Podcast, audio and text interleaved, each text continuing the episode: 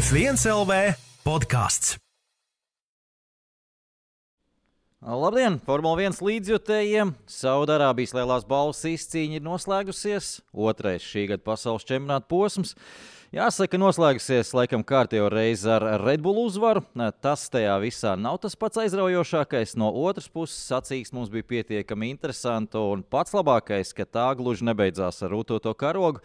Beidzās vēl pāris stundas pēc finiša, un šorīt daudz pamostoties arī ieraudzīja vēl vienu pārsteigumu. Tieši par to mēs šodien arī runāsim. Sveiks, Jāni! Čau, čau visiem! Es neesmu pārsteigums. Viss labi. Es esmu kā vienmēr ierindā. Un, uh, jā, pārsteigumi bija. Un, nu, jāsaka, beigās tas pārsteigums tomēr ar plus zīmi, lai arī pēcgājēji palikusi tā kā tajās vecajās anekdotēs. Ja, Rūkstoši ir palicis. es to, ka nekas nav izdarīts. Bet, Bet, nu, jā, no FIA visā savā krāšņumā, diemžēl, atkal uh, mēdz viņiem kaut kā sajiet greizi, un šoreiz atkal. Un, uh, nu, jā, nu, labi, ka tā pēcgarša tomēr nu, nav pavisam rūkta, ka tomēr salika visu apakaļ tā kā vajag. Jā, mums būs. Es domāju, ka diezgan sīki un smalki jāpaskatās, ko FIA ir sadarījuši un ko nav sadarījuši. Tomēr, tomēr tā ir tā institūcija, kas diktē visu pasākumu Formulā 1. Un Formula 1 īpašnieki, tieši skatoties no viņu pozīcijām, protams, šobrīd to produktu ceļ augšā un ceļ ļoti veiksmīgi augšā un iznes daudzos tirgos. Un, ja FIA šādi ņem un nu, iekrīt ar seju dubļos visas pasaules priekšā, nu, tas nav skaisti. Jo tā reakcija un tas atsitiens uh, no, no skatītājiem, visas sociālajās mēdījos un tā tālāk bija tik traks. Un saproti, ka atliek tur tādam, tādam kipišam sākties sociālajos mēdījos, visi pārējie jau to lasa un varbūt pat ļoti bieži neiedziļinās nekur arī dziļāk. Un uh, varbūt Jā. FIA pat neizdarīja tik briesmīgas uh, muļķības, bet uh, nu, izdarīja. Izdarīja, izdarīja un galu galā nu, mēs jā, šodien to vien darām, kā gānam viņus. Jā, nu, tas ir. Nu, tas ir. Jā, nu, es, nu, nu var kļūt. Nav ko teikt. Nu, tas ir briesmīgi vienkārši. Jo tas scenārijs visai. Nu, saprot, kurā reize, kad tieši tādā nu, foršā sacīkstē, kur jābūt tādai foršai pēcgaršai pēc sacīkstes, tas notiek. Ja tas tā bija ar, ar pagājušā gada to posmu, kur Neviens nezināja, vai Verstapens ir čempions vai nav čempions. Ir čempions, nav čempions. Nu, bļāviens, nu, nopietni. Jūs atņemat faktiski galveno mirkli, emociju, mirkli visā sezonā ar to savu kaut kādu izlošanos, atvainojos. Ja? Arī šeit tas pats. Nu, Pērēs uzvara, kas bija vienkārši kolosāli par Pērēs. Gribēju atsevišķi parunāt, noteikti arī. Uh, un, uh, un, un Alonso, nu, tas viss, un tā viss scenārijs, kur viņš, kur, kur Aston Martins perfekti uztaisīja vienkārši perfektu stratēģiju. Nu, viņi tās pie, to pirmo 5 sekundes sodu vienkārši piesmēja visu pasauli ar to pirmo 5 sekundes sodu. Un tā viņam tur iedod. Un tā viņš domā, ka tās būs 5 sekundes. Viņš notur to finišā pret Raselu, tur 5,0 kaut kas, nu, kā, lai viņam točnu viss ir kārtībā. Un šeit jau viņi tāpat sačakarē to visu balīti. Nu, johaidī! Kaut kāds ārprāts. Jā, skatos komentārus YouTube. Sveiciens visiem YouTube sekotājiem. Liels prieks, ka baigā, baigā aktivitāte iet vaļā. E23 raksta Bring back Michael Massey. Tas nemaz neizskatās tik slikts variants šobrīd. Vai ne? jā. Nu, jā, jā. Runājot par komentāriem, jā, ir arī organizatoriskās lietas. Šodien mēs izspēlēsim arī vienu balvu, ātri pavisam, pavisam informāciju. Lūk, šo uh, sporta avīzes numuru saņems pastkastītē vai, vai nu, pakomātā. Nezinu, kā, kā bet saņems uh, viens no mūsu YouTube skatītājiem. Jā, sveiciens Kristapam. Kristapam sveiciens. Lielisks sporta avīzes vārds. Jā. jā, tur ir arī par formulu rakstīts. Līdz ar to tas, tas būs, cerams, arī interesanti. Nu, jebkurā gadījumā par sporta aktualitātēm Latvijā jālasa, visiem jāsako līdzi. Un saņems viens no mūsu YouTube skatītājiem, ka, kurš un kā to mēs redzēsim pašā beigās. Pagaidām tas nedaudz tā kā noslēpumā tīts. Jā, nu labi. Ko mēs vēl varam pagānīt? Nu, labi, sāksim pēc kārtas. Pirms tu sāc visiem liet, liet virsū, tad sāksim pēc kārtas. Tā, tā lai mums tiek, tiek visiem. Aiziet. Uh, sāksim uh, droši vien ar pašu sāpīgāko. Tas, tas augunis jāizspiež. Pirmais ir uh, uzreiz, lai, lai nav jāmocās visu atlikušo stundu. Ko? Jā, labi, es gaidu, ko tu teiksi. es gribu dzirdēt. nu jā, tā tad sāksim ar to pašu sāpīgāko. Sāksim ar to, ko sadarīja FIA. Un, es varbūt ātri, ātri pa, pa plauktņiem salikšu tā, lai ir konteksts. Un te Jānis, Jānis nāks ar sūdainu koku, kā mēs sarunājām, un ganīs. Uh, Viss runa tā tad bija šoreiz par Fernando Alonso situāciju. Fernando Alonso nostājās līdzīgi kā Estebans Okons, ne gluži savā starta pozīcijā, ne pāri savai starta līnijai, bet nedaudz sāniski. Uh, no savas starta līnijas. Uzreiz šeit es arī kontekstam izstāstīšu, ka nav uh, no tā lielas priekšrocības šajā gadījumā. Nekādas nav. Dažkārt ir priekšrocības, tomēr, ja Lapjā tu, trasē ja tu esi kaut kur, jā, pirmkārt, slapjā trasē, ārpus varbūt uh, tam, tam starta pozīcijai, kur nedaudz jau, jau iegumijots ir. Bet, nu, protams, tagad noliec savu mašīnu nedaudz sāniski attiecībā pret otru startējušo, bet šoreiz tam nebija nozīmes nekādas. Bet kāpēc, kur ir tā problēma? Tā problēma ir tā, ka starta laukumā ir sensori ielikti, ļoti precīzi sensori, kuri veido kopā sensoru tīklu. Un, ja kaut viens no tiem sensoriem nav nosegts, viņi attiecīgi acīm redzot nestrādā adekvāti un nevar fiksēt falšstartu uh, adekvāti. Var, acīm redzot, joprojām fiksēt. Nav tā, ka tā sistēma izslēdzās, bet tā ir tas, tas ir tas iemesls, kāpēc viņi prasa, lūdzu, nostājieties šeit precīzi, lai mēs varam fiksēt falšstartu okay, okay. mirkli. Tā kā tur ir savs iemesls. Nav tā, ka, nu, ko, ko jūs te piekstieties 5 cm pa labi un jūs te sākat taisīt. Nu, nav gluži tā. No otras puses, ja tas pārkāpums, un šeit es nerunāju tikai par šo pārkāpumu, tur daudz tādu pārkāpumu, kas nedod nekādas priekšrocības, bet nu, tas ir rakstīts melns uz balta. Un tā ir liela problēma šobrīd Formulā 1, ka pārāk daudz ir sarakstīts melns uz baltu, un līdz ar to nākas to visu pildīt. Tāpēc mēs bieži viņus gāniem, nu, ko jūs ņematies, ko jūs darat, bet tas ir uzrakstīts. Nu, viņi, viņi nevar to nedarīt. Eh, līdz ar to, manuprāt, vajadzētu vienkārši pusi no tiem noteikumiem izmest mm. un dot tiem tiesnešiem brīvu vaļu interpretēt. Un tad būtu vienkāršāk. Tas ir ar to, par to masītu gribā pakaļ. Ja? Jā. Mhm. Bet, bet tajā brīdī, redz, mēs būtu no tādām muļķībām ārā. Protams, mēs varētu atkal teikt, redz, tur tiesneši interpretē tā vai šitā. Tā var darīt, ja mēs uzticamies tiesnešiem. Jā, ja tur ir autoritāte, kā bija Čārlis Vaitings savulaik, visi viņam ticēja, visi viņam klausīja, neviens viņam pretī nerunāja. Ja viņš teica tā, tad tā arī bija. Mēs iedodam viņam varu, lai viņš pieņem lēmumu. Diez vai Formula 1 ir tik bezspēcīga, lai nevarētu piesaistīt tādu kalibra cilvēku. Nu, noteikti viņi var. Tur nav runa par piesaistīšanu. Atcerieties, Čārlis Vaitings bija Formulā 1 kopš eh, pusauģa gadiem. Eh, Brabam komandā viņš sāka strādāt kā mehāniķis un līdz ar to izauga to visu. Nav, nav tā, ka tagad piesaistīsim mēs uh, Pierluigi Kolīnu ja, no malas. Ja. Tev sporta avīze izlaiž vismaz oh. manā. manā. Oh. Nu, nav jau nevajag. Kristaps grib, grib, Kristaps grib pa pateikt, pagozēties kaut. Kaut ko. Viens, varbūt, jā. es nezinu, es kaut ko piespiedu tiešām. Tā izskatās, jā. Nu, jā, nu, jā. jā. Nu, katrā, nu, jā, labi. Turpiniet, turpiniet. Turpin. Uh, nu, jā, tad no malas, no malas piesaistīt neko, neko neizdosies. Tajā ziņā tas, tas tāds at, atklāt diskusiju, bet uh, apmēram saprotu, par ko ir runa. Kāpēc, kāpēc viss tik ļoti uztraucās, uh, tiesneši uztraucās, kāpēc viņš nav bijis savā vietā. 5 sekundes uh, pamatoti, tā, tā ir noteikuma. Jā, jā, nu, tas viss kārtībā. Tas ir fajn. Uh, iebrauc boxos, un tad, nu, es domāju, ka daudz jau ir redzējuši da, daudzos palēnājumos un analīzēs, kas tur īsti notika. Un šī ir tā otrā lieta, kur daudz var vēl pielikt FIA lai situāciju uzlabotu. Jo nav jau tā, ka komandas izdomā, tagad mēs tā darīsim. Komandām ir sava procedūra, kā viņi skaita. Viņiem tas lielais bloks, viss, kas atrodas boxā priekšā, tur ir tādas elektronikas sistēmas, tādi sensori, lāzeri un viss iekšā. Un viņi skaita tās sekundes, viņiem ir gaismiņa, kas iedegās, kurā brīdī tu vari, kurā brīdī tu nevari darīt. Tā kā tas nav viss izdomāts no gluži no zila gaisa. Uh, un, uh, ja FIA divus posmus pēc kārtas uh, vienu un to pašu pārkāpumu piekasās.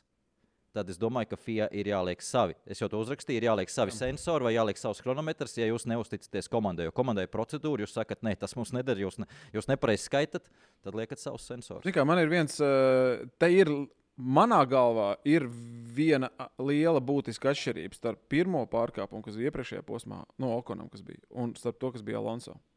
Jo Okona mehāniķis, kurš pirmais pirms tā piecām sekundēm pieskārās mašīnai, bija čalis, kuram bija rokā instruments, kurš griež vaļā kaut ko. Saproti? Un, uh, tas, un to var interpretēt kā strādāšanu pie mašīnas, jo tas ir tu uzreiz kaut ko griez. Nu, vaļā, skroja vaļā kaut ko. Savukārt, tas, ka Dankrats vienkārši pieskarās mašīnai, to tā, tā nav tā kā baigā strādāšana, jo viņš pat nav ielikts lietā. Saprot? Te varētu būt tāda mazā niansīta, ja mēs runājam tieši par šīm divām epizodēm. Ja? Ka ir jāsaprot, kas bija tā pārkāpuma iemesls. Un Okona gadījumā tas tomēr bija džeks ar instrumentu. nu, tādu instrumentu, ko uzreiz var skrūvēt vaļā, un tas dod to varbūt to 0,1 Jā. sekundi ātrāk atskrūvēt to, to skrūvi vaļā. Savukārt tas Dunkrats, nu, tur tas īsti tur, tur, tur nu, atkal jau te atkal var padiskutēt. Protams, domāju, es, ne, jā, nepretendēju uz pilnīgu taisnību, bet nu, tas, manā galvā tā. Ja, bet eh, nu, Aston Martin jau kolosāli nostrādāja. Viņa aizgāja, parādīja, cik es saprotu, parādīja Fijai septiņus Piemēram. gadījumus. Jā. Kad uh, neviens nav neko, kā saka, nevienam sodu nav uzlikuši par šādu pārkāpumu vai, vai par šādu gadījumu. Nu, un, attiecīgi, ko tu tur jau vairs. Plus, vēl, manuprāt, viņi arī bija nokavējušos tos apļus, vai cik tur viņiem vajadzēja to sodu piešķirt. Man liekas, ka pa vienu apli vēlāk viņi piešķīra. Viņ- Viņiem bija tur 25 apļu laikam, laikā tas jāizdara, bet viņi izdarīja to vēlāk. Uh, tā, nu tad situācija, pie- jā, jāatšķirtina viss līdz galam. Sāksim, sāksim ar to, ka jā, atšķirības starp uh, Alpīnu un attiecīgi Astonu Martinu situāciju ar šo darbību. Nu, ja mēs tā cilvēcīgi paskatāmies, tad es godīgi sakot, neredzu atšķirību. Ja tu nedrīkst pieskarties ar instrumentu, tad nedrīkst ne ar kādu instrumentu pieskarties. Jā, varbūt es nestrīdos. Jo Domkrats arī ir daļa galvā. no tā procesa. Tu pieskaries, tas nozīmē, ka tu esi momentā gatavs celt augšā. Tas tāpat kā ar pistoli, tu pieliec viņu klāt, tu esi momentā gatavs griezt. Uh, atšķirība, kāpēc arī uh, Aston Martin spēja šeit uh, panākt savu, ir tajā. Kārtējo reizi, godīgi sakot, juristiem tur bija darbs. Uh, nekam citam, bet juristiem. Jo. Juristi ļoti vienkārši pamatoja, ka noteikumos ir ļauts pieskarties ar priekšējo, pat ne ar priekšējo, bet vienkārši ar domkratu, kas ir priekšā. Jo šeit ir tā atšķirība, ka priekšējais, kas tur domkratu, ierāda mašīnai virzienu un apstāšanās vietu. Viņš ir tas cilvēks, kas norāda, cik tālu tu brauc. Protams, tur vēl lāzeri ir uz priekšējiem riteņiem, bet pilots pēc tā orientējas, no, nostādot savu mašīnu vietā. Tā kā viņš tur nevar nebūt, viņam tur ir jābūt, lai pilots apstātos savā pozīcijā. Tas ir izņēmums. Bet tā lieta ir, ka noteikumos nav uzrakstīts, ka priekšējais domkrats nedrīkst pieskarties. Ir rakstīts, ka domkrats mm. drīkst pieskarties. Un eh, to visi uzskatīja par tādu nu, tā džentlmenisku vienošanos, ka nu, mēs ar aizmugurēju, nu, tā kā visi pieņēma, no aizmugurēju neejam, ar priekšēju apstādinājumu, ar aizmugurēju neejam. Uh, bet nekur tas nav uzrakstīts vārdiski ar vārdiem. Un līdz ar to Aston Martin pierādīja, ka teorētiski mēs varam arī ar aizmugurējo pieskarties. Prie, priekšējais ir pieskāries septiņas reizes, viņa uztaisīja video. Es gribu redzēt, ap citu video. Tas būtu ļoti interesanti paskatīties. Lūk, ir tie gadījumi, kad stāv priekšējais visu laiku stāv pie mašīnas un pieskarās ar domkratu. Viņi pierādīja, ka noteikumos nav nekur teikts, ka mēs nevaram pieskarties ar aizmugurējo. Mm -hmm. Uh, savukārt par ilgo, par noilgumu, tā bija otra lieta, par ko es arī biju ļoti nikns. Un, un es piekrītu, un kas, kas, kurš izskata tur vienalga. Tur, tas ir viena apaļa jautājums. Nu, jūs redzat, ka nav tās sekundes viss. Uh, bet atšķirība ir tāda šajā gadījumā, ka to atrada. Atcerieties, mēs runājam pagājušajā gadā, ka FIA ir uztaisījuši jaunu, uh, jaunu savu sistēmu, kas sēž Anglijā, uh, tumšā telpā. Viņiem nāk iekšā. Nu, reāli datoriķi. Ja. Nāk iekšā visa informācija, visi video, un viņi it kā ir tas bezmaz vars, bezmaz vars kā futbolā. Ir. Tāpat arī vars ir arī Formulā 1. Viņi sēž un to visu izskata lēnām un mierīgi, bez stresa mm, un, un skatās, un kas notiek. Un viņi atrada tikai pirms pašas sacīkstes beigām. Es nezinu, kāpēc viņi sāka rakāt to sa sakaltušo sūdu jau tur, tur pašās beigās, vēl, vēl kad nu jau viss jau bija beidzies. Bet viņi atrada to, ka ir tās 4,8, ka nav tās 5, vienalga, ka tas aizgājis Domkrats. Un viņi aizsūtīja to informāciju uz vietas, un tie tad tikai pēc tam uh, pieņēma to lēmumu, jo viņi atraduši bija krietni vēlāk. To, tas noilgums uz to neiedarbojās, jo viņi arī bija to fiksējuši Ā. krietni vēlāk. Uh, Bet, bet kāpēc tas viņiem bija jāfiksē? Viņi apmēram aiz nav ko darīt. Nu, tā kā ah, nekas nenotiek, nu, vai pačakarēsim vēl tur, kas tur mums vēl notika.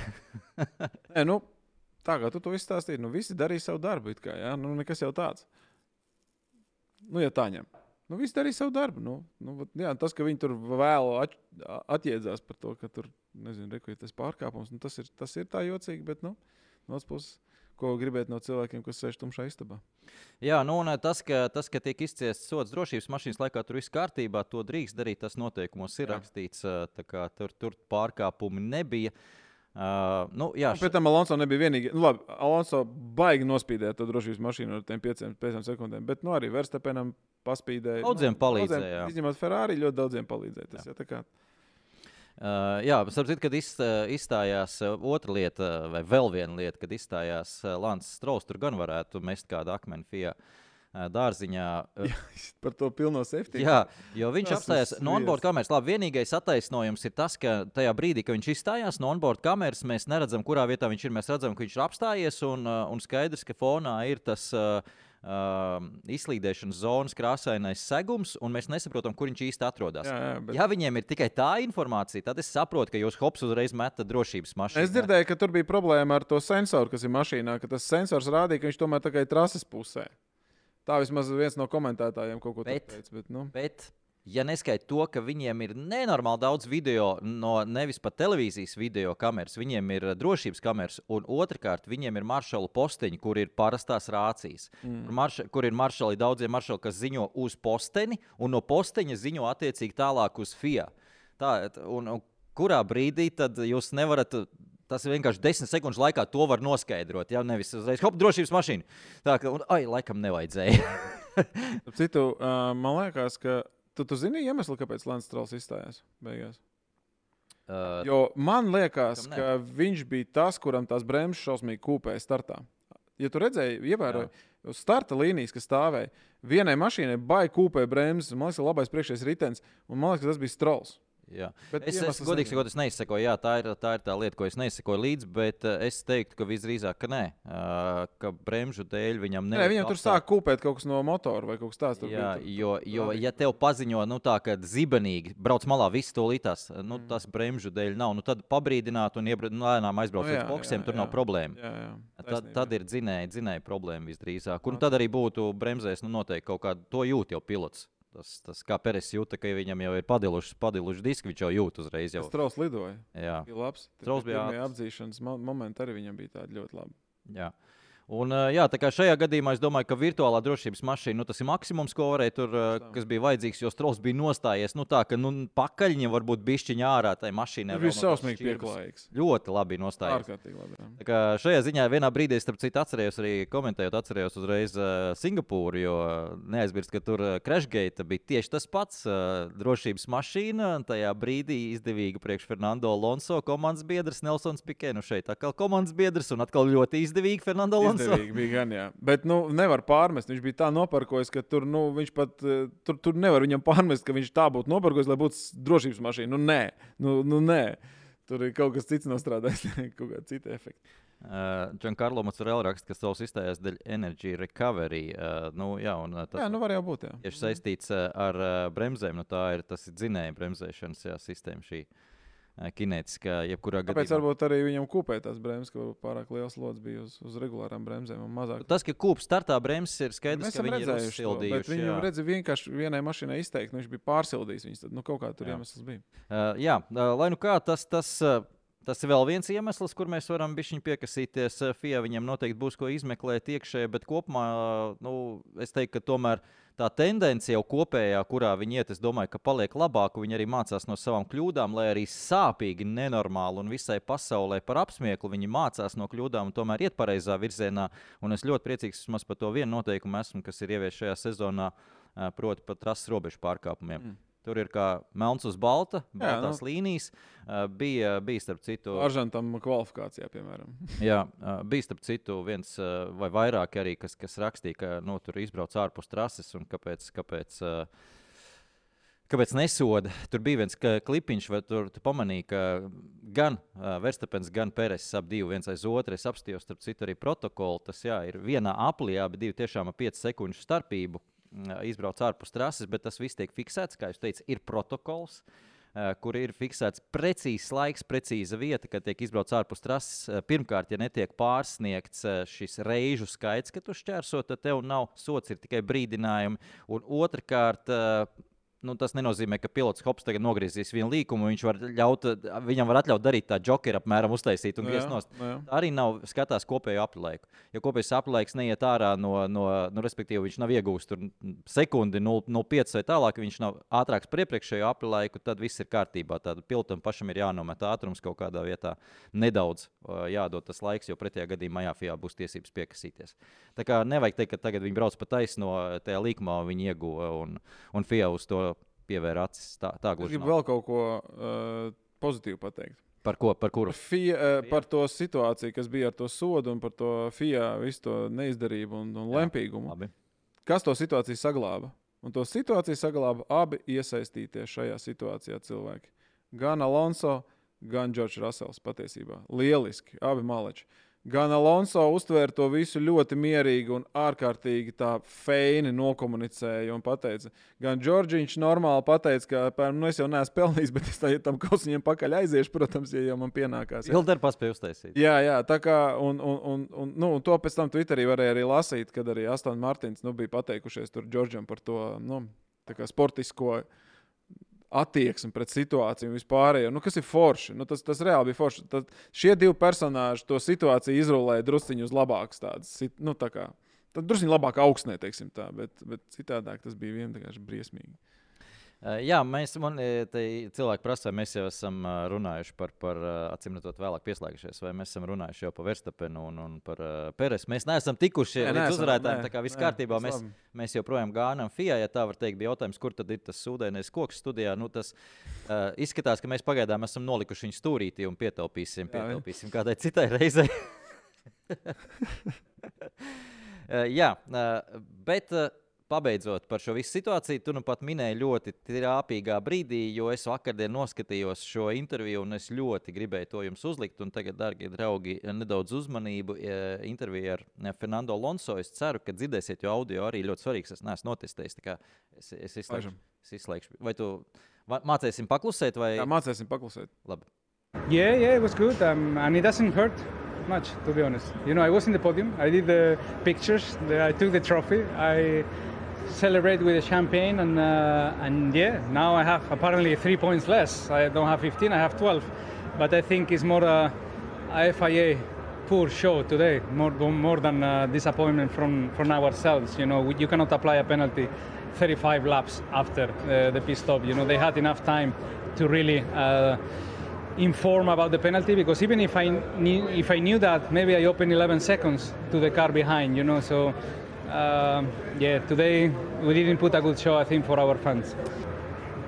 I mean I care but I don't care that much you know because I, I celebrate and now uh, I have three points less. Okay let's let's try to recover in Australia Jā, es ļoti gribēju šo, šo visiem parādīt un uzsvērt, tomēr, cik Also. ārkārtīgi optimistisks ir uh, Fernando Alonso ar visu šo situāciju. Viņš saprot, ka komanda izdarīs visu pareizi, viņš izdarīs visu pareizi. Tas, ka tie trīs punkti šobrīd viņu īsti neuztrauc, tas ir starp citu vēl pirms viņš saņēma atpakaļ to. Bet, kā viņš teica, jā, es, man, man bildes ir atmiņai. Man, šāmpi padzēru, baigi viss kārtībā. Ir. Nu, labi, trīs mazāk. Ak, Dievs. Nē, var redzēt to, ka viņam, saprot, ja tas būtu. Ja tas būtu brīnums, ka viņš ir uz piedestāla un viņš ir izdarījis kaut kādas pārākās lietas, tas būtu viens. Bet te var redzēt, ka Čels tic tai formulē. Viņš tic tai komandai. Un gadi- godīgi sakot, es teikšu, kā ir. Astons Martins abās šajās sacīkstēs ar savu stratēģiju, ar pitstopiem, ar visu to, ko viņi dara. Patiesībā viņi ir gatavi vinēt. Viņi netaisa muļķīgas kļūdas. Tur nav Ferrari kaut kāda klaunāda vai vēl kaut kādas citas lietas. Es atvainojos visiem Ferrari faniem. Ja? Uh, viņi ir gatavi, jo viņi ļoti labi strādā. Gan ar stratēģiju. Skaidrs ir tas, ka mēs to esam runājuši jau daudz par Mercedes savā laikā un par Red Bull savā laikā. Ja tev ir ātrā mašīna, forša stratēģija salikt, nu, nav tas grūtākais variants. Ja? Nu, Palielam, ja tev ir pārsvars pār citiem, tas tas pats, kas ir pat, pat par, par, par, par uh, Verstapenu, ka es biju pilnīgi pārliecināts, ka viņš būs uz piedestāla. Es gan biju pārliecināts, ka viņš vinnēs tikai tāpēc, ka, nu, ja tev ir tik ātra mašīna, tad tev tā pārliecība iekšā, tas miers tevī ir tāds. Ja? Un te var redzēt, ka Alonso ir skaidri, ļoti skaidrs līnijas. Viņš ļoti labi zina, ka Red Bull viņš noķert nevar. Nu, vienkārši tāpēc, ka Red Bulls ir pārāk ātrs. Bet viņi ļoti skaidri zina, ka viņi ir ātrāki. Un, godīgi sakot, diezgan feini ātrāki nekā vispārējie. Viņš ir sapratis, ka viņš var būt stabils trīniekā. Viņš ar to šobrīd ir ļoti, ļoti labās pozīcijās. Ir ceļš salīdzinot ar to, kā viņš bija pagājušajā gadā. Ja? Kā, tas arī dod to mieru, un tas arī dod to iespēju viņam šādi nosvērti tajās sacīkstēs, pēc, pēc tam tajās intervijās izklausīties pēc uh, ģeniāla ceļa. Tieši tā. Viņš eh, zina, starp citu, kā iekarot, eh, iekarot līdzi to sirds, un tieši to viņš arī veiksmīgi dara un izmanto. Tad laba, labs moments un laba tēma, es domāju, lai pāriet tālāk eh, jau uz situācijas un sacīkstes eh, analīzi. Eh, Tad arī sāksim ar Astonu Martinu šajā gadījumā, eh, jo, kā Jānis teica, Viņi ir aiz Redbull diezgan pārliecinoši, bet uh, samērā solīdi priekšā uh, gan Ferrari, gan Mercedes. Un, uh, kas ir interesanti, tad uh, Aston Martin abi uh, piloti, gan Strauss, gan Alonso, uh, šajos GPS datos bija ātrāk par abiem Red Bull līkumos. Visos videos un lēnos līkumos pašos viņi ir ātrāki, kas liecina, principā, ka viņiem tieši piespēdē uh, spēka līmenis ir nedaudz augstāks nekā Red Bull. Bet tas nav tāpēc, ka Red Bull pietrūks. Tas, tas ir tāpēc, ka Red Bull diezgan apzināti gājuši tajā virzienā. Uh, un Aston Martin savukārt ar to, ka viņiem augstāks piespēdējas spēka līmenis, viņi samaksā taisnēs, viņiem nav tik liels maksimālais ātrums, un to mēs nenormāli uzskatām, redzējām arī vakardienas sacīkstē. Uh, proti, tas, tas lielākais piespiedē spēka līmenis viņiem uzreiz nodrošina lielāku aeronautisko bērzi, tātad lielāku gaisa pretestību. Nu, tas, tas ir tas koeficients, kas ir starp piespiedē spēku un gaisa pretestību. Tas koeficients pilnīgi noteikti labāks ir Redbullam, un labāks viņiem ir uz tā rēķina, ka viņi lielāko daļu vai lielāko procentu no sev piespiedu spēka ģenerē no mašīnas apakšējās daļas, no grīdas, ko mēs neredzam. Nevis tas, kas ir virs, ko visi var redzēt, ko visi var teorētiski nokopēt, ko ir arī izdarījuši Aston Martin, paskatījušies, ko darīs starp citu arī Mercedes, kur aizgūstas puse no pelotona idejas un uh, iedvesmu un skatās uz Red Bull. To viņi redz, tā ir redzamā daļa. Bet tas uh, lielais trumpis nāk no neredzamās daļas, no grīdas apakšas. Un ne jau tā, ka tur ir kaut kādi brīnumi, ka tikai pati grīda, tagad mēs ieraudzīsim to grīdu un būs viss kārtībā. Nē, tas arī nav, bet kas, kā viss strādā kopā, kā strādā ar aizmugurējo difuzoru, kā grīdas malas nosedz to, lai tur nebūtu neizplūst tas viss ārā. Tas viss strādā, tas pamats ir tik ļoti labs tam Red Bullam, ka to atkārtot nu, nav tik vienkārši kaut kā tāpēc, ka Red Bull to, ir, to filozofiju ir kultivējuši nu, jau nesik 5, 6 gadus. Viņi ir pārnesuši to no iepriekšējās ēras uz šo. Un līdz ar to nu, tā, tā, tā doma, ka nokopēsim viņus un viss būs labi, nu, tā tas nenotiks. Jā, jā nu, tas tā nenotiks. Bet, um, Nu, redzēsim, man, man ļoti, ļoti interesē tas, ko Mercedes atvilks uz, uh, kur viņi tur solīja, uz Baku. Laikam. Nē, nē, nē Baku ir McLarenam. McLarenam Baku. Okay. Nu, jebkurā gadījumā man ļoti interesē, jo Toto Vols pats arī teica, viņš saka, man, man jau ir pilnīgi vienalga, vai tas iztīsies pēc Red Bull vai nē. Galvenais, lai tā tačka gāž. Ja? nu, skaidrs, viņi var saprast ļoti, ļoti, ļoti normāli. Bet, uh, Tas, jā, Aston Martin ir ļoti labs piemērs. Kas ir labi Aston Martinam savukārt, ir tas, ka parasti ir tā, ka, ja tev ir lielāks piespiedies spēks un tu esi ātrāks līgums, tas nozīmē, ka viņš vairāk arī tev patērē riepas, nu, kas ir loģiski tikai. Bet uh, Aston Martins ir dabūjuši šo foršo balansu, ka viņi tomēr ir arī pietiekami saudzīgi pret riepām, bet varbūt ātri līkumos. Un tas viņiem arī ir liels bonus šogad, jā, šim, šim formulas konceptam. Nu, tas, ko Es ceru, ka es nejaucu neko, bet tu, man liekas, tas bija Strauss, kurš pa ārmalu, kam viņš ar Ferrari aizbrauc garām, pirmajā, otrajā jā, līkumā. Jā, jā. Nu, tas vien jau liecina par to pārliecību, kāda ir tajā, tajā formulā, cik stabili viņi ir un ka viņi var par, reāli ar augstām faktiski riepām, nu, starta sākumā. Jā ka visi vēl tikai sāk. Viņš paņem vienkārši Ferrari pārmā, apbrauc vienkārši un aizbrauc. Jā, jā tas bija tālākajā 13. virāžas eh, līkumā. Jā, nu tas, tas, tas tomēr par kaut ko liecina. Jā, nu, jā, nu labāks piesabieties spēks gan arī nozīmē, ka mašīna ir uh, stabilāka, viņa nestaigā un tās riepas tiek sataupītas uh, nedaudz. Nu, tur ir rēķini. Jā. jā, bet mēs esam redzējuši ļoti daudz variantus, ka tur arī kā Ferrari pagājušajā gadā, piemēram, arī viņi uz, starta, uz taisnēm bija lēnāki, it kā līkumos viņi bija ātrāki, bet viņi tāpat tās riepas košļāja ilgi ātrāk nekā, nekā vajadzētu. Jā. Jā, tā kā šī ir interesanta cīņa, un šajā ziņā es teiktu, ka Aston Martin ar otro posmu pagaidīsim vēl trešo Austrāliju, kas būs vēl pilnīgi atšķirīga trase. Es teiktu, ka šeit jau ļoti daudz mēs salikām jau, jau to puzli kopā. Interesanti jau viss sāk izskatīties, kā tas notiek. Austrālija būs vēl viens labs, labs paraugs. Kā, kā mēs varēsim redzēt, kur tie spēku samēri sakrīt mums visur kopā. Bet Aston Martin skaidrs, ka šobrīd netiek klāta Redbullam. Uh, Bet uh, atcerieties, kā viņi strādāja pagājušā sezonā, sezonas otrajā daļā, kad viņi nomainīja savu konceptu, cik, cik strauji bija progress. Kā, uh, un kāpēc tas progress bija tik strauji? Protams, viņi sāk no diezgan zemas pozīcijas, kas ir saprotami, bet otrkārt viņiem ir tas pamats. Uh, Uh, un tas fundaments, uz kā viņi balsta tā filozofija, tā neredzamā daļa, tā teiksim, ko viņi balsta visus savus uzlabojumus, ir diezgan atstrādāta un labi korelējas ar aeronautisko tuneli. Un tas ir nenormāli svarīgi. Tas, kas nav šobrīd McLaren, tas galīgi nav McLaren. Viņi ir izdomājuši, protams, ne, ne viņi tur muļķi, viņi izdomājuši ļoti labu mašīnu, bet tur neiet kopā tas, ko viņi redz tunelī un tas, ko viņi ierauga, ierauga uz, uz trases. Un līdz ar to man ir liela ticība, ka Aston Martin, ja liks kaut kādus uzlabojumus, tad tie uzlabojumi varētu arī strādāt ļoti veiksmīgi. Un otra lieta, ka Aston Martin ar šo modeli ir pilnīgi bērnu autiņos. Tā mašīna ir jauna. Alonso teica, 95% pilnīgi jauna mašīna. Tas nozīmē, ka viņi ir sākuma posmā. Tas nozīmē, ka katrs solis, ko viņi ir lielāks, jo, jo tu esi tuvāk tiem tiem neredzamajiem grieztiem, jo katrs solīts ir maziņāks, panciņāks, beigās, beigās jau tu spied to sulu ārā no viņa, to, no tās mašīnas. Un Red Bull un visi pārējie arī ir tikuši tālāk, jau viņa tajā attīstībā, nu, nav, protams, līdz grieztiem, bet ir krietni tālāk, katrs solis ir maziņāks. Aston Martin tas solis būs lielāks teorijā. Tā kā, nu, tas ir tas pozitīvais, ko var mēģināt paņemt. Trešā lieta pozitīvais, ka viņi līdz vasarai vēl ļoti daudz var sēdēt Aimskā tunelī, salīdzinot Jā. ar līderiem. Līdz jūnijā līdz jūnija beigām, 1. Jā. jūlijā restarts ir, un tajā brīdī, nu, ja Astona būs otrajā vietā, viņi saņems salīdzinoši mazāk jau krietni, Jā. bet neaizmirst, ka Red Bull būs eh, vēl krietni mazāk, nevis tikai tāpēc, ka viņi ir pirmie, bet tāpēc, ka arī sots.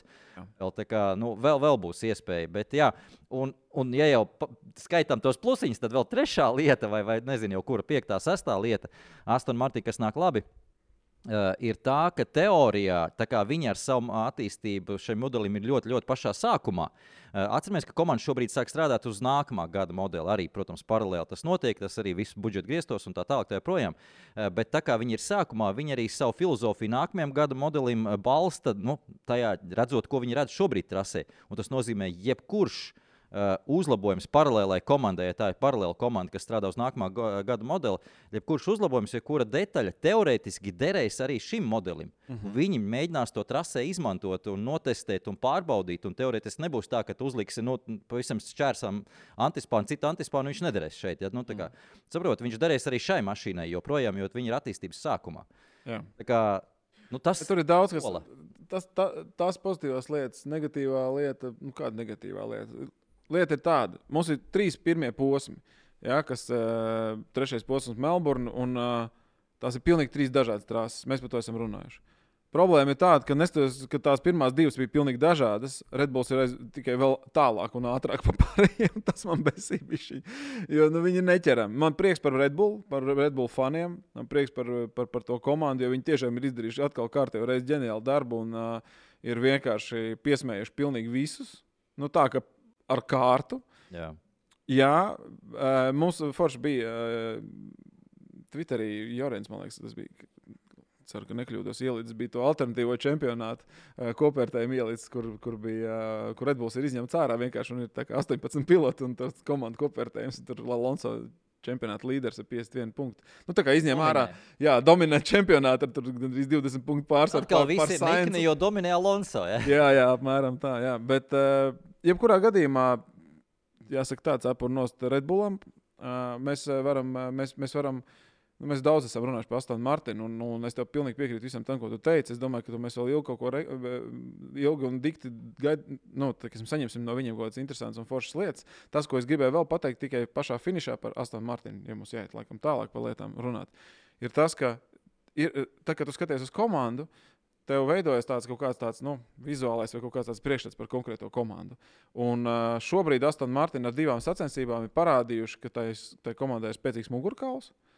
Viņi stabili stāv uz savām kājām, viņiem ir labs materiāls, ar ko strādāt, viņiem ir labs pilots. Nu, patiesībā divi, bet nu, vismaz viens noteikti. Jā, jā, viņ, viņiem pa lielam viss ir kārtībā. Viņiem vienkārši jāmauc. Un tas ir ļoti labi, jo, jo gan strateģiski viņi strādā ļoti labi, gan tehniski viņi strādā. Nu, labi, tur kaut kas notiks strola mašīnai. Ok, nu, kam, kam negadās, visiem ir gadījies. Ja? Arī, arī Redbullam kvalifikācijā gadījās. Tā kā jaudas agregāts, kas nāk no Mercedes. Kā... Vēl jau vairāk, jā, jā, arī, jā, vai ne? Nu, tā kā man, man tiešām pagaidām man tāda, Aston Martins man tāda sajūta stabila. Nu, tāda kārtīga komanda, no kuras tiešām ir jābaidās, ar kur tiešām ir jārēķinās. Jo viņi var, ja vajadzēs, viņi vinnēs. Super, super. Mēs esam saslavējuši Astonu Martinu. Man tiešām arī gribās tam ticēt, un es gribu redzēt, ka uh, kaut kas tiks darīts lietas labā, lai Red Bull arī bišķiņu pabaidītu un iekost viņiem. Pirms pāriem tieši pie Red Bull, pie Peres un pie Verstapena tēmas vēl pēdējā lieta par uh, Astonu Martinu. Es redzēju, bija komentārs arī par to. Uh, Red Bull kopēšanu. Uh, nu šeit es jau, es jau kaut kur par to rakstīju, tagad, vai, vai, vai runāju, es aizmirsu visas tās vietas. Uh, bet uh, tā kopēšana nu, ir tālu no kopēšanas, godīgi sakot. Uh, un, kā viņas izskatās, tas formāls? Jā, nu, pirmā, pirmā lieta, kā izskatās, otrā lieta, neaizmirstam, un es tieši nu pat teicu, visa mašīnas aizmugure ir no Mercedes. Tātad jaudas agregāts, ārnesumu kārba, aizmugurējā piekare, visa transmisijas sistēma ir paņemta no Mercedes. Mercedes ar tādu pašu ir pilnīgā, es atvainojos, P. vai D. Vai saucu kā jā, jā, kur, kur alfabēta burbuļs liekam, tur Jā. ir. ir viņi. viņi ir, jā. Tur viņi ir.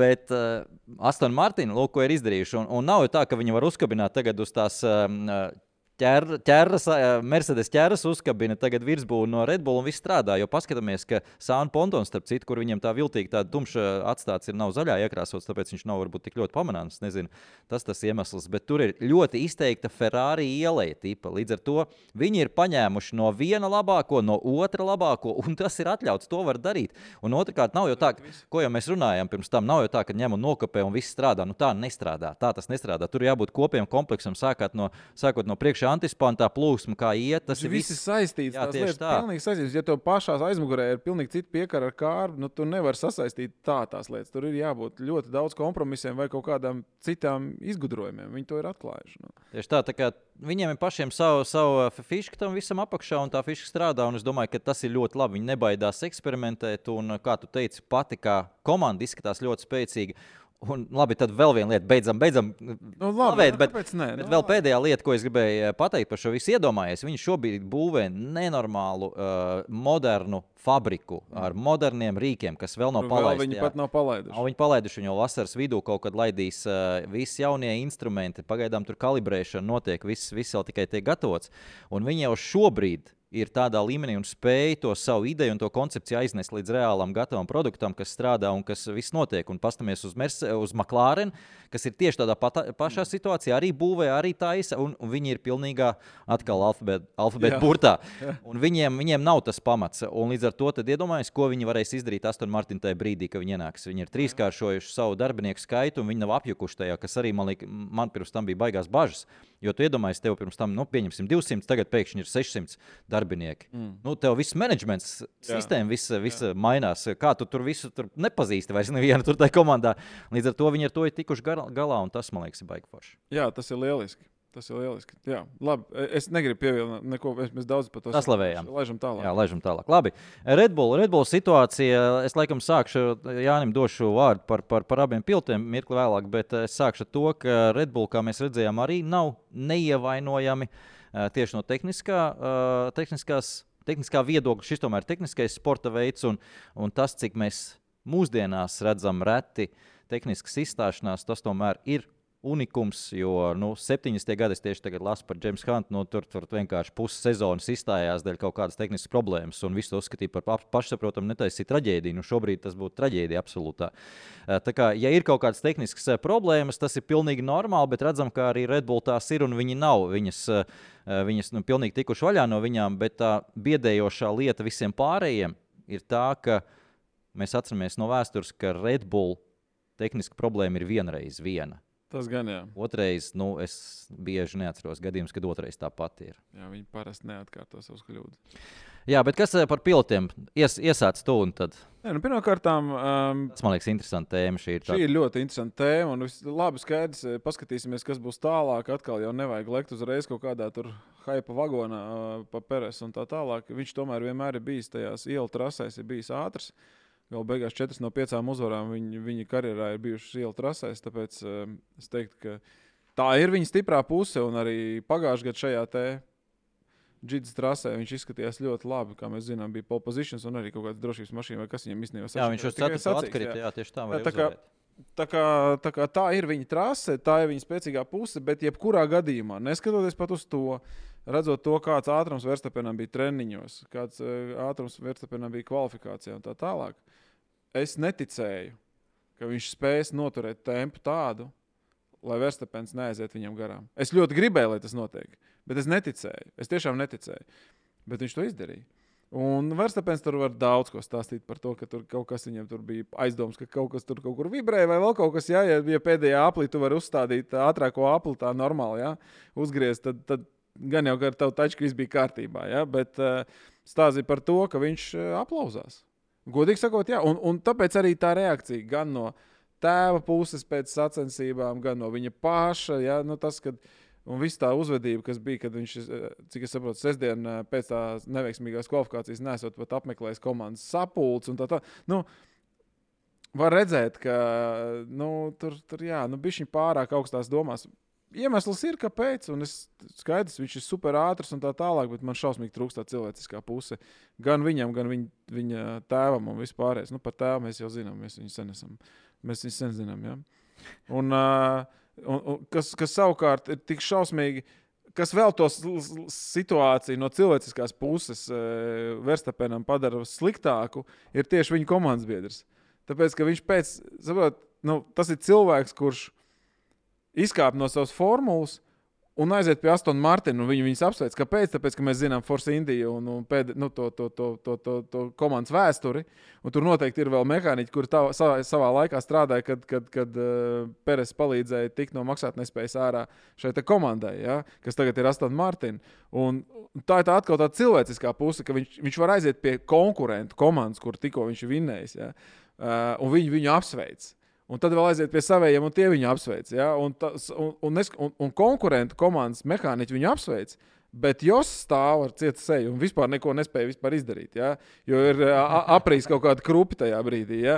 Un tad tā liekas, nu, kas tu tāds esi vispār? Nu, nopietni vispār. Man, man liekas, ka uzvarētājiem, to mēs ar tevi pirms, pirms kāda runājām.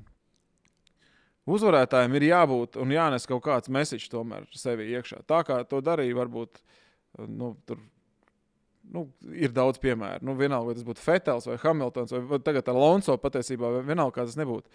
Uh, uzvarētājiem ir jārada piemērs. Ir jārada piemērs tiem jaunajiem faniem, kas seko līdzi, jaunieši, kas skatās sporta un vispārējo. Tas ir tikai mans personiskais viedoklis. Es nepretendēju uz taisnību. Uh, ir jārada piemērs, ka, ja tu esi uzvarētājs, ka tu esi cienīgs uzvarētājs, ka tu cieni konkurentus, bet tu esi ātrāks tikai tāpēc, ka tu esi vislabākais. Un, un, un tā, tā, tā sadarbība šīm lietām, ātrums plus cilvēciskums, ja viņi var saglabāt, tad tas ir tas, kas rada manās acīs cieņu.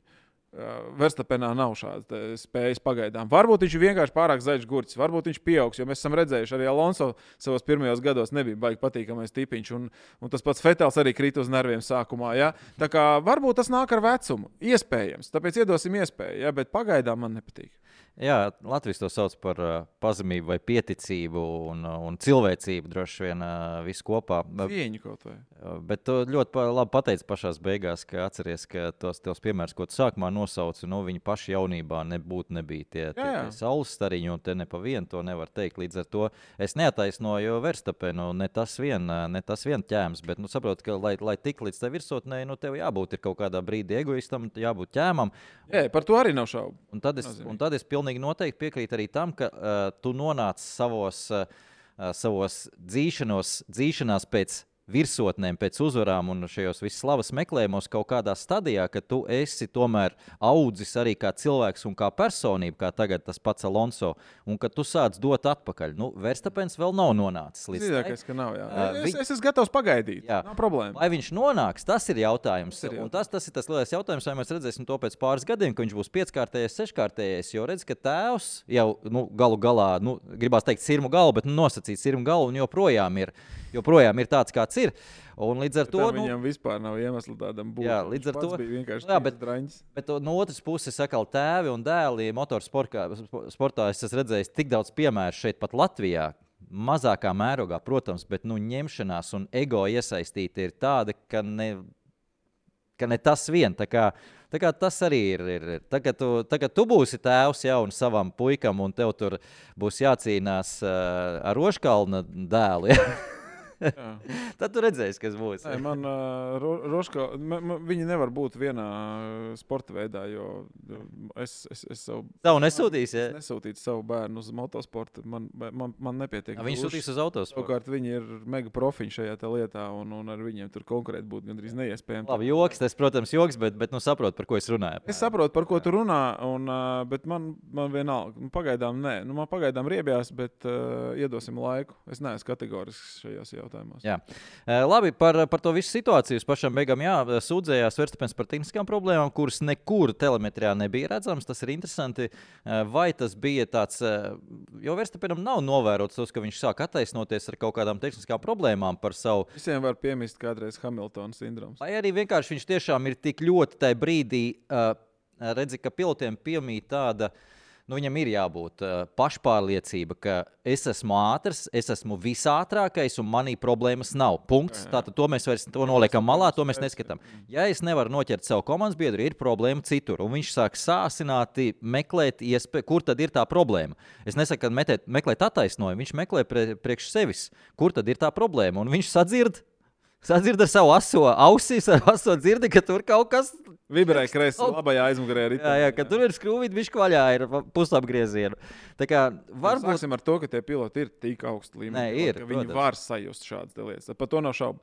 Tas, ko es gribu redzēt, un visdrīzākais, diemžēl, tas nenotiks. Es atvainojos visiem, kas ir cerība pilni. Es gribētu redzēt, šis ir tas īstais brīdis, ja tagad, ja tagad Pēres tuvākās vēl divas sacīkstes spēs noturēt tādu tempu pret Verstapenu.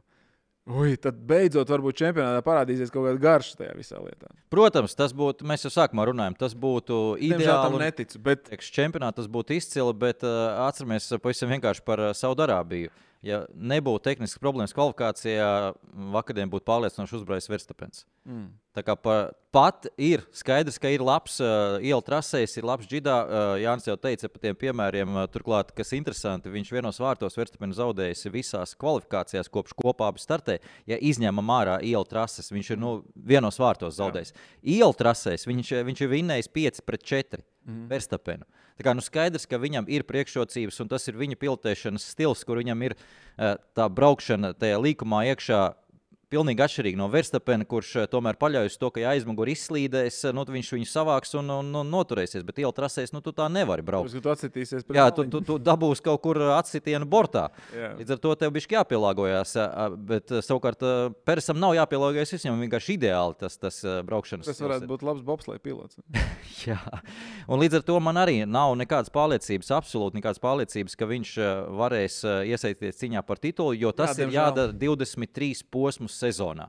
Un viņš var to darīt 3, 4, vienalga 5, pat 10 ir par maz, diemžēl. Jā. Verstapens var 23, viņš to parādīja cīņā ar uh, Hamiltonu. Jā. L- Tā pašā laikā bija interesants. Es arī tev tur minēju, pirms, ka, pir, pi- pirms kadrā minēju, ka. Uh, kā viņš šitais? Nu, tas Red Bull, tas priekšnieks, tas, par ko mēs runājam. Par to, kurš Helmuts Marko? Marko, jā, Marko. Jā. Ka tas esot eh, ļoti daudz labus vārdus pateicis tieši par Pēres, par to, kā viņš strādājas un cik labā fiziskā formā viņš ir un bla, bla, bla, bla, bla, bla un ka mūsu komandā nav pirmā vai otrā pilota. Galvenais, kurš ir ātrāks, tur ir tas ir ātrāks. Tur, bla. nu, mēs zinām, mēs apsvēlējam to tēmu, nav svarīgi, ne, neķersimies tam vairāk klāt.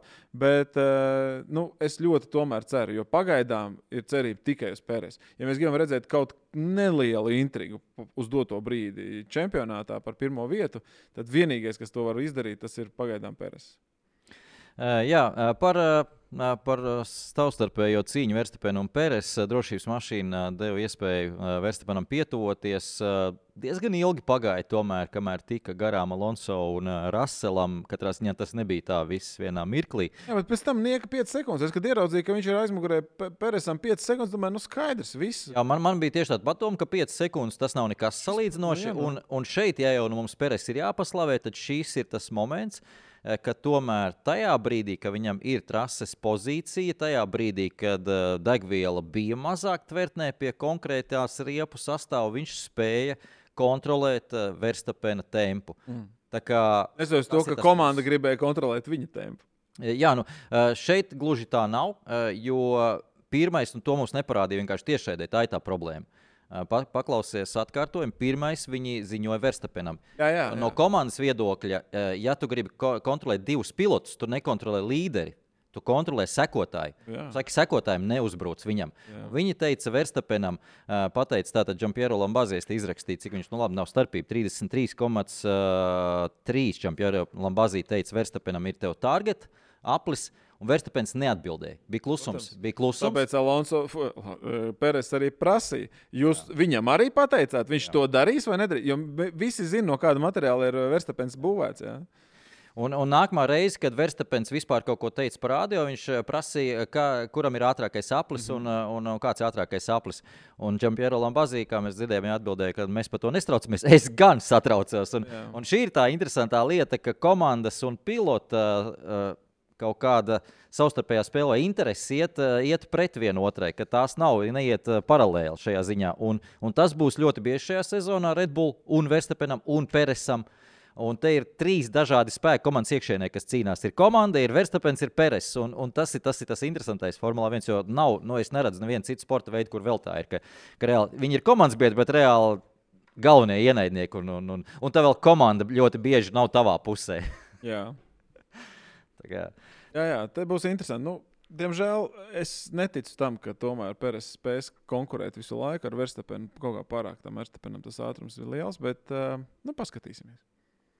Jā, mums vēl pāris minūtes uh, ir laiks uh, par, par šiem puišiem apmēram izrunājām. Es domāju, Mēs varam ātri izskriet cauri pārējiem visiem patiesībā, jo baigi daudz jau ir par ko runāt. Jo, skaties, ja mēs, esam, mēs esam izrunājuši tikai par uh, Astonu Martinu un, un, un Red Bull. un, un Red Bull. Tas mums jā, prasīja piemēram, 50 minūtes. Jā, un, un, un, jo Mercedesam, neskatoties uz visu, bija samērā jēdzīgs temps pie tās miskas, kas viņiem ir. Viņi bija pārliecinoši patiesībā trešā ātrākā formula vakar, jā, jebkurā gadījumā. Un tad, kas noticis ar Ferrari, es pat negribu runāt, jo tur ir vienkārši kaut kāds ārprāts, kas šobrīd darās. Viņiem nav ne tempa, ne, ne stratēģijas, ne, nekā viņiem tur nav. Labi, šoreiz viņiem nepaveicās ar, ar safety car, Leclerc un tā, bet jebkurā gadījumā. Nu. Jā, pagaidiet, pa Mercedes, kamēr, kamēr jā, neaizies pārāk jā. tālu prom. Uh, Hamiltons bija lēnāks par Russellu. Vakardien viņam bija arī ļoti grūti norīt to momentu. Jā, jā, un, un, jā, jā. reāli viņš objektīvi netika klāt. Un, uh, pats Hamiltons pēc sacīkstes teica intervijā, ka viņš ir pats vainīgs, jo viņš ar regulējumiem pats izvēlējies, ir nepareizi aizgājis, un Russells ir izvēlējies veiksmīgākus tos regulējumus. Okay. Tas bija piekdienas vakarā, kad bija jāsadalās, uh, uz kuru virzienu viņi ies. Un, un šeit, šeit ir tā Hamiltona situācija, ka viņš atzīst, ka es pats kļūdījos.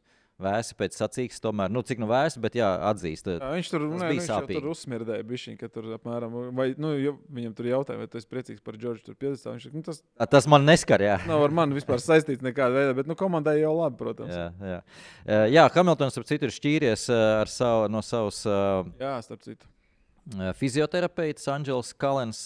Un, Un uzreiz arī nokritās rezultāts. Jā, un, un tiek ziņots, ka tomēr, nu, to teica, nevis tiek ziņots, bet to teica Toto Wolfs, eh, ka tas ir Hamiltona lēmums. Mm. Nu, to neviens neteica, ka viņš ir atlaidis, bet, nu, sorry, nu, tā principā ir atlaišana. Nu, Jā, jā, bet Viņš pasaka, paldies. es tev Iemesls, viņš, te, viņš uzreiz atcerās, ka nē, ne, ne, ne, nestāstīšu, kāda ir Jā, iemesla. jā, jā.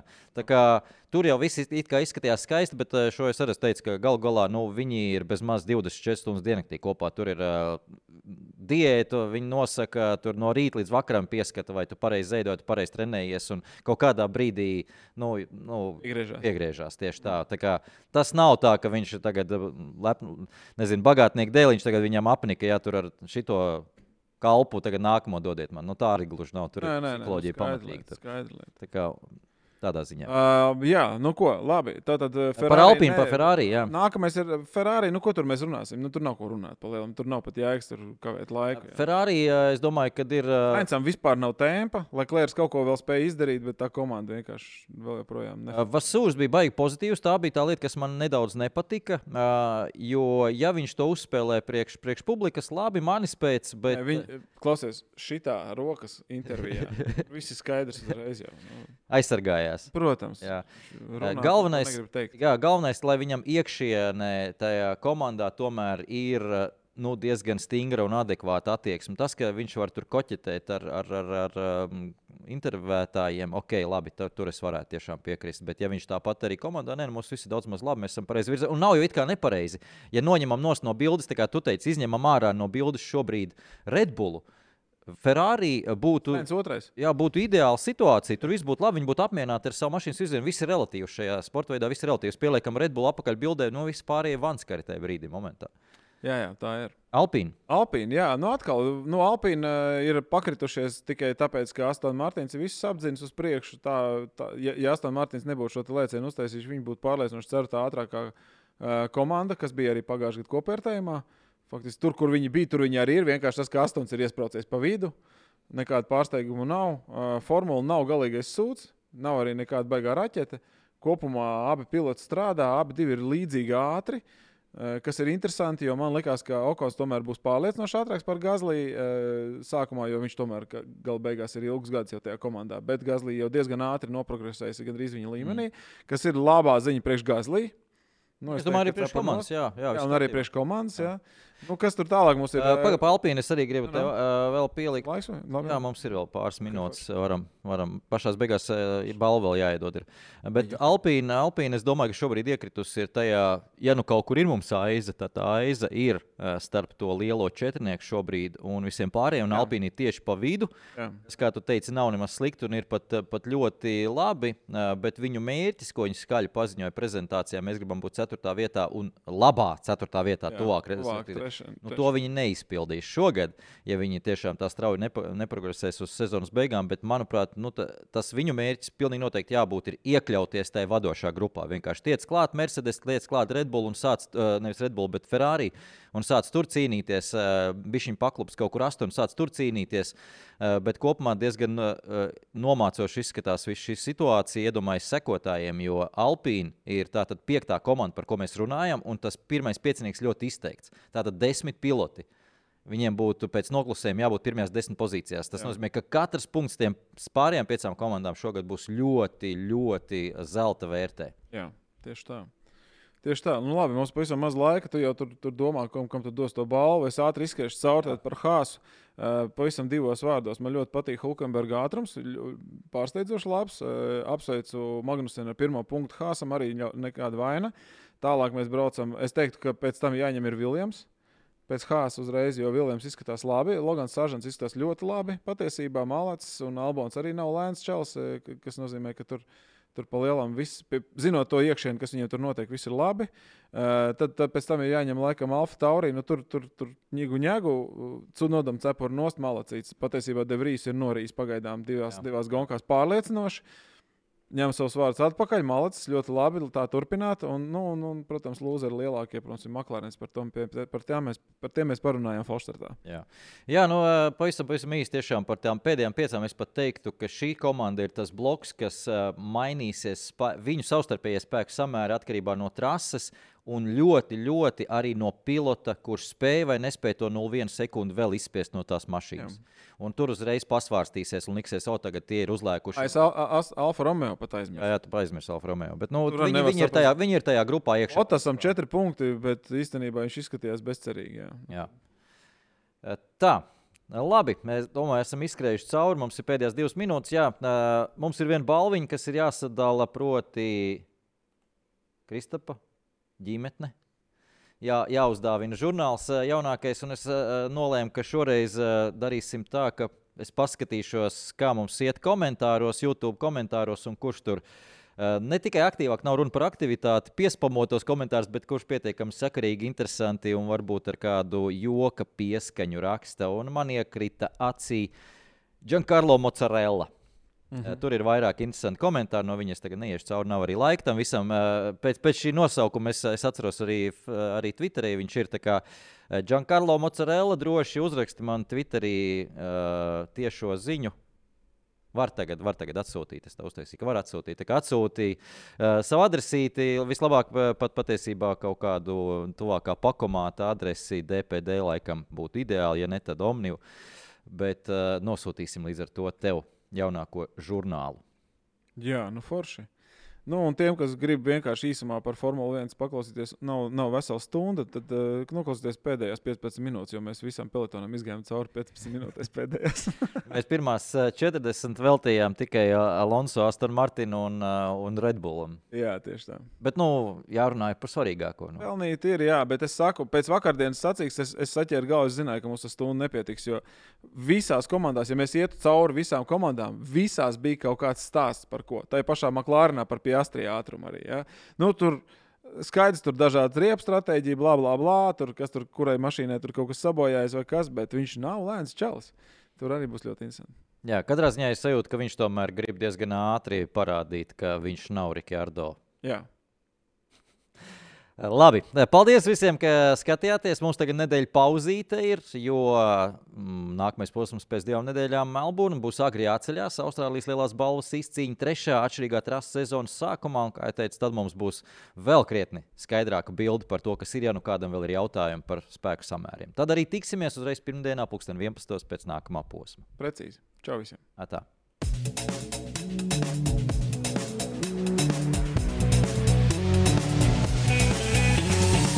F1 LV podkāsts.